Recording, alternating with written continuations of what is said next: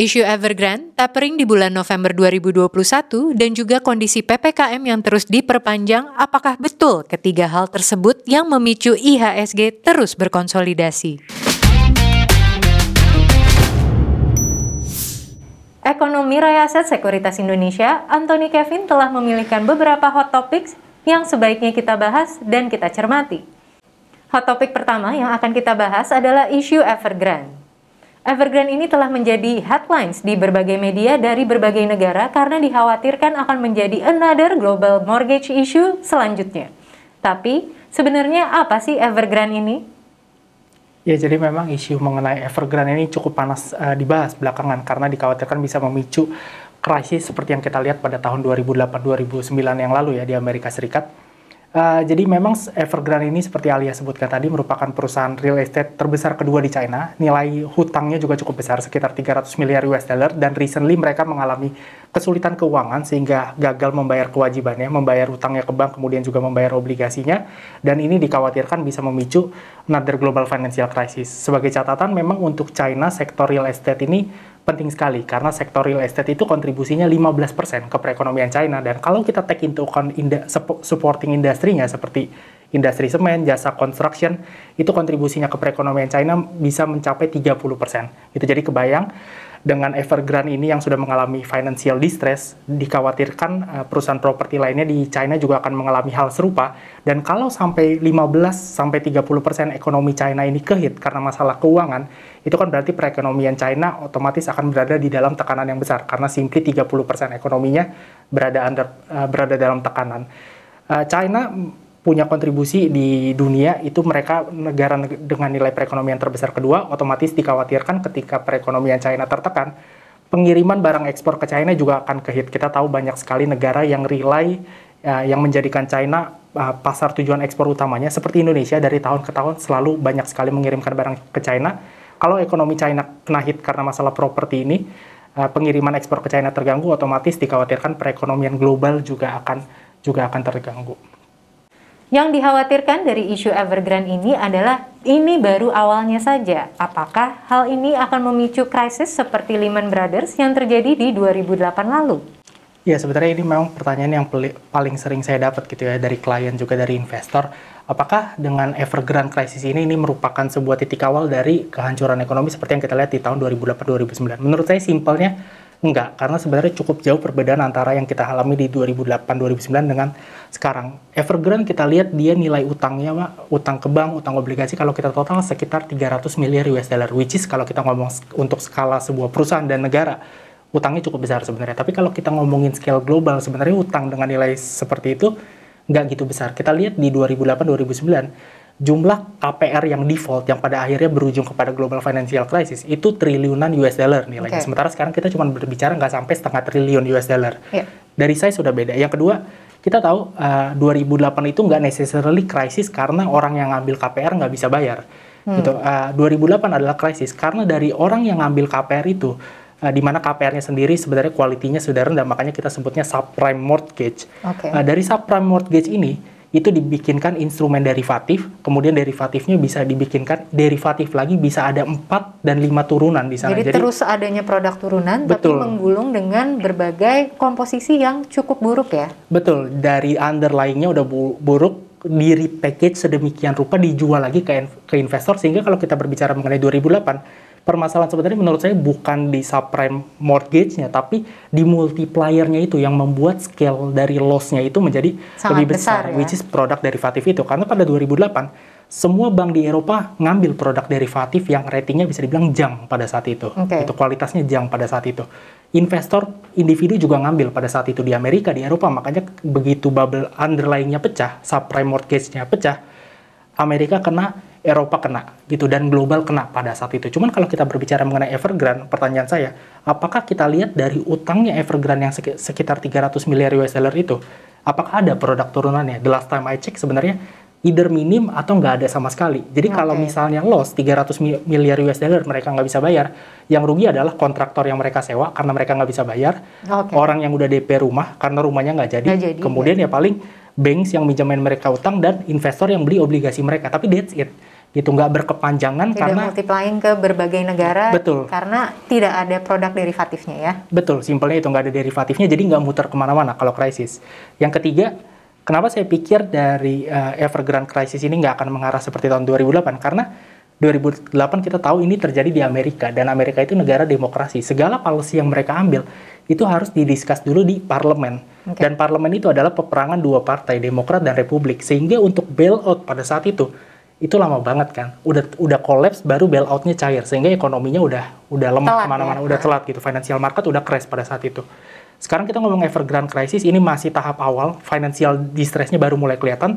Tapi kita lihat pemerintah China udah cukup uh, proaktif dari central banknya udah injek liquidity perbankan dan diekspektasikan karena mereka memang negara komunis ambil keputusannya sepihak gitu ya diekspektasikan sebelum ini melebar ke mana-mana akan ada bailout secara besar-besaran untuk perusahaan properti di sana gitu. Jadi all in all saya melihat bahwa untuk China mungkin impactnya akan cukup terasa. Short term pressures-nya di market dari kasus Evergrande ini akan bisa jadi akan terasa tapi Oke.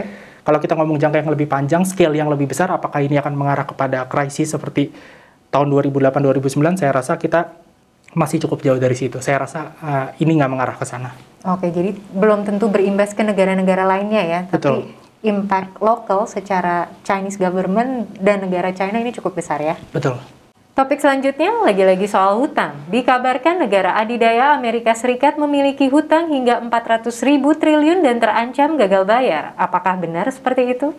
Ya, jadi memang selain isu Evergrande, isu lainnya yang uh, diharapkan bisa memberikan tekanan yang signifikan ke market uh, dalam jangka dekat adalah terkait dengan masalah utang Amerika Serikat. Jadi pada intinya sebenarnya adalah ini problem yang selalu terulang setiap tahunnya, di mana kita tahu Amerika itu operate dengan hutang. Jadi kalau misalnya mereka nggak berhutang, dalam tanda kutip ya mereka nggak running negaranya gitu. Dan setiap tahunnya untuk nambah utang baru supaya ekonominya bisa tetap jalan, Amerika Serikat itu perlu persetujuan dari parlemennya. Ada low- lower chamber, which is itu DPR kalau di Indonesia, dan mereka ada upper chamber, Kongres gitu. Jadi di situ Demokrat versus Republik itu debat gitu. Apakah akan menaikkan pagu utang mereka? Ketika pagu utangnya dinaikkan, mereka isu utang baru, barulah ekonominya bisa running lagi. Dan yang terjadi adalah sometimes, nggak sering, tapi sometimes Demokrat dan Republik ini nggak setuju untuk menaikkan pagu utang. Yang terjadi apa? Amerika nggak bisa isu utang dan ketika mereka nggak bisa isu utang, otomatis ya mereka nggak bisa nggak bisa operate dan itulah yang kita sebut namanya government shutdown. Ketika shutdown terjadi karena pagu utang yang baru nggak dinaikkan,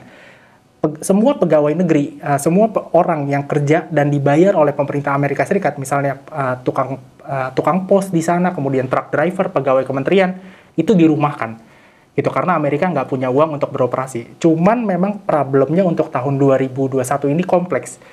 Kalau misalnya terjadi government shutdown, kita nggak cuman berbicara mengenai pegawai negeri Amerika Serikat dirumahkan nggak dibayar, kita berbicara lebih dari itu. Kenapa? Karena 2020, 2021 Amerika isu utang itu banyak banget nilainya, triliunan US dollar untuk membiayai uh, economic recovery karena pandemi.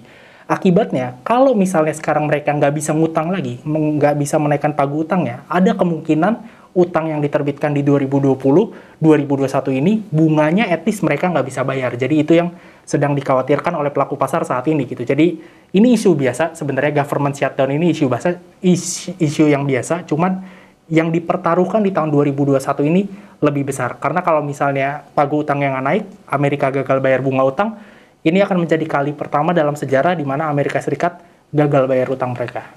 Dengan skenario seperti yang tadi Kevin sebutkan, apakah ada kemungkinan besar nih Amerika akan gagal bayar? Iya, uh, possibility itu memang ada karena memang uh, saat ini kondisinya bisa dibilang complicated gitu. Kalau pada tahun-tahun sebelumnya pemerintah Amerika Serikat itu bisa hitung setiap bulannya kira-kira penerimaan yang masuk bulan Agustus berapa, September berapa, Oktober berapa, kemudian juga mereka bisa cek utang yang jatuh tempo berapa. Kalau misalnya penerimaannya jauh lebih rendah, estimasi penerimaan jauh lebih rendah dibandingkan utang yang jatuh tempo, itu kan mereka tahu mereka harus is- issue utang berapa banyak. Cuman sekarang nggak bisa kayak gitu, Al. Dalam artian ini lagi pandemi, sometimes business making money. Kalau business making money mereka bayar pajak. Tapi banyak juga bisnis yang tiba-tiba nggak make money uh, Ya. di Amerika Serikat. Dan ketika mereka losing money, mereka nggak bayar pajak. Jadi susah banget pada intinya untuk pemerintah Amerika Serikat memproyeksikan, even dalam jangka pendek penerimaan mereka berapa. Jadi kalau ditanya kapan pemerintah Amerika Serikat kira-kira akan kehabisan uang? Ya mereka juga nggak bisa kasih jawaban pasti, tapi widely expected kalau misalnya mereka nggak issue utang baru dengan size yang besar, sometime di Oktober mereka itu akan gagal bayar. Karena penerimaannya salah satunya itu nggak pasti. Mereka bisa kehabisan uang tiba-tiba bulan Oktober. Cuman menurut saya resiko bahwa Amerika Serikat pada akhirnya akan benar-benar gagal bayar minim. Kenapa? Kalau kita lihat di tahun-tahun sebelumnya, shutdown beberapa kali terjadi. Di ya. eranya Trump kalau nggak salah dua minggu ya mereka shutdown. Pak sebelum akhirnya Demokrat dan Republik deal ya. isu utang baru. Jadi sebenarnya ini masalah tahun ke tahun peperangan antara Demokrat dan Republik. Cuman seperti yang saya bilang tadi, isu yang dipertaruhkan di sini terlalu besar gitu. Karena kalau misalnya Amerika Serikat gagal bayar, saya yakin dalam jangka dekat lembaga pemeringkat uh, rating Fitch, S&P, misalnya Moody's mm -hmm. itu akan rubah outlooknya Amerika Serikat jadi negatif. Dan okay. ketika outlooknya Amerika Serikat jadi negatif, bond market itu akan kehit besar-besaran menurut saya. Yield akan naik tinggi banget dan ketika yield naik tinggi banget, ekonomi akan stuck di situ. Kenapa? Karena ketika yield obligasi tinggi, orang mau issue utang itu mahal banget. Hmm. gitu. Jadi mendingan gak usah isu isu utang ekonomi nggak jalan ujung-ujungnya. Jadi again yang dipertaruhkan ini uh, masalah too, financial too market to fail juga ya? too big to fail ini yes. ini ini nggak boleh sampai nggak goal gitu. Jadi uh, financial market akan kena ekonomi akan kena. Jadi saya rasa sometime di akhir bulan September ini atau di awal Oktober harusnya akan ada agreement bahwa tingkat utang Amerika Serikat akan dinaikkan. Karena kalau nggak ini akan jadi salah satu sentimen terburuk mungkin di tahun 2021 ini. Pimpinan Federal Reserve Amerika Serikat, Jerome Powell mengindikasikan bahwa tapering akan segera dimulai di November 2021 ini. Seperti apa dampak secara short term yang akan terjadi? Ya, jadi memang uh, belakangan ini pelaku pasar mencoba mencerna hasil dari pertemuan The Fed bulan September ya, menjelang menjelang akhir September ini. Uh, tapi all in all, kalau dari saya melihatnya sebenarnya ini cukup akomodatif buat uh, financial market. Kenapa? Kita lihat dot plot The Fed di bulan September ini. Jadi kalau kita mundur sedikit ke dot plot di bulan Juni, di bulan Juni ada tujuh anggota The Fed yang expect suku bunga acuan akan naik tahun depan. Ada tujuh orang. Sementara di bulan September ini ada sembilan orang yang expect suku bunga acuan akan naik di tahun 2022. Dan menurut saya ini akomodatif. Saya expect sebenarnya lebih banyak lagi anggota The Fed yang expect suku bunga acuan naik di tahun 2022, tapi ternyata cuma 9 yang expect naik, sementara 9 lainnya, total 18, 9 lainnya itu justru expect suku bunga acuan masih akan stay. Jadi bisa dibilang The Fed ini hasil meetingnya nggak nggak terlalu hawkish, makanya kita bilang ini cukup akomodatif untuk market. Malah yang lebih akomodatif lagi, The Fed memang mengindikasikan bahwa tapering akan dilakukan mungkin di bulan November dan akan berakhir di tahun 2022, di pertengahan tapi di sisi lain mereka juga menegaskan bahwa nggak necessarily begitu taperingnya berakhir mereka akan naikin suku bunga acuan. Mungkin mereka akan tunggu beberapa bulan lagi untuk naikin suku bunga acuan setelah tapering selesai. Jadi again uh, hasil pertemuan The Fed di bulan September kemarin saya rasa cukup akomodatif buat market. Intinya The Fed bilang bahwa kita kasih kebijakan masih akan tetap uh, akomodatif gitu. Kita masih akan tetap ekspansif uh, sampai dengan 6-12 bulan ke depan dan saya rasa itu good news buat market dalam jangka pendek maupun menengah. Dan jika tapering ini diberlakukan di kuartal keempat 2021, apakah akan mempengaruhi musim window dressing? Uh, saya rasa kalau kita berbicara dari tapering yang dilakukan oleh The Fed sampai mempengaruhi window dressing, saya rasa enggak. Karena yang untuk tapering kali ini market udah lebih price in, udah lebih siap. Karena komunikasi dari The Fed juga saya rasa lebih bagus. Dan kelihatan ada tendensi bahwa The Fed dalam melakukan tapering ini nggak akan terlalu terlalu ketat gitu. Buktinya mereka indikasikan bahwa tapering ini akan berjalan dengan gradual mungkin sampai dua mungkin sampai pertengahan tahun depan dan mereka juga kasih indikasi seperti yang saya bilang tadi bahwa belum tentu suku bunga acuan akan langsung naik begitu tapering selesai. Ini kan berarti menunjukkan bahwa the Fed sadar global economic recovery masih masih nggak gitu kuat, ada kasus Evergrande dan sebagainya gitu kan. Jadi mereka bersikap ah, hati-hati sekali, bersikap akomodatif. Jadi saya rasa kalau uh, dibilang ini akan mempengaruhi secara negatif untuk window dressing, saya rasa nggak. Karena all in all policy-nya The Fed saya lihat masih cukup akomodatif untuk financial market kita, at least dalam jangka pendek sampai menengah. Kasus COVID harian di Indonesia sudah terus menurun, namun PPKM masih terus berlanjut. Bagaimana perkembangan PPKM saat ini? Ya, jadi memang kalau kita lihat government dalam dua bulan terakhir ya, sejak mereka melakukan pengetatan di bulan Juli sampai dengan sekarang, itu mereka bersikap hati-hati banget. Karena kalau kita lihat number of new active cases itu sudah menurun secara signifikan. Cuman di sisi lain government berhati-hati sekali dalam melonggarkan PPKM level 2 sampai level 4. Saya ya. rasa ini kebijakan sulit yang diambil pemerintah, tapi saya rasa perlu diapresiasi sebenarnya. Karena memang untuk mengatasi COVID-19 pandemik ini, semua negara sudah membuktikan bahwa nggak ada cara yang instan gitu. Mereka harus ada pengorbanan dalam jangka pendek untuk mendapatkan hasil yang lebih baik di jangka panjang. Jadi uh, saya saya setuju dengan uh, yang dilakukan government memperlakukan ppkm yang relatif ketat dan saya rasa ke depannya juga sampai akhir tahun mungkin ppkm-nya masih akan relatif ketat jika dibandingkan dengan sebelum bulan Juli kemarin. Yeah. Gitu mungkin dalam jangka pendeknya ini akan menekan aktivitas ekonomi, tapi saya rasa masuk ke 2022 dengan asumsi distribusi vaksinnya bagus harusnya sih uh, economic activity-nya recovery-nya bisa lebih terasa. Oke, nah berbicara tentang economic recovery, bagaimana sejauh ini pertumbuhan perekonomian di Indonesia? Ya, kalau untuk uh, saat ini gitu ya di kuartal 3 nanti juga masuk kuartal 4, memang untuk economic recovery masih lambat. Pertama, uh, ada dua faktor. Yang pertama tadi itu, dari government juga ber, berhati-hati sekali dalam melonggarkan PPKM, sehingga aktivitas masyarakat terlihat dari sisi supply sama demand masih terganggu. Sejauh ini sejumlah data ekonomi masih lemah, misalnya manufacturing PMI, penjualan barang-barang retail itu masih lemah.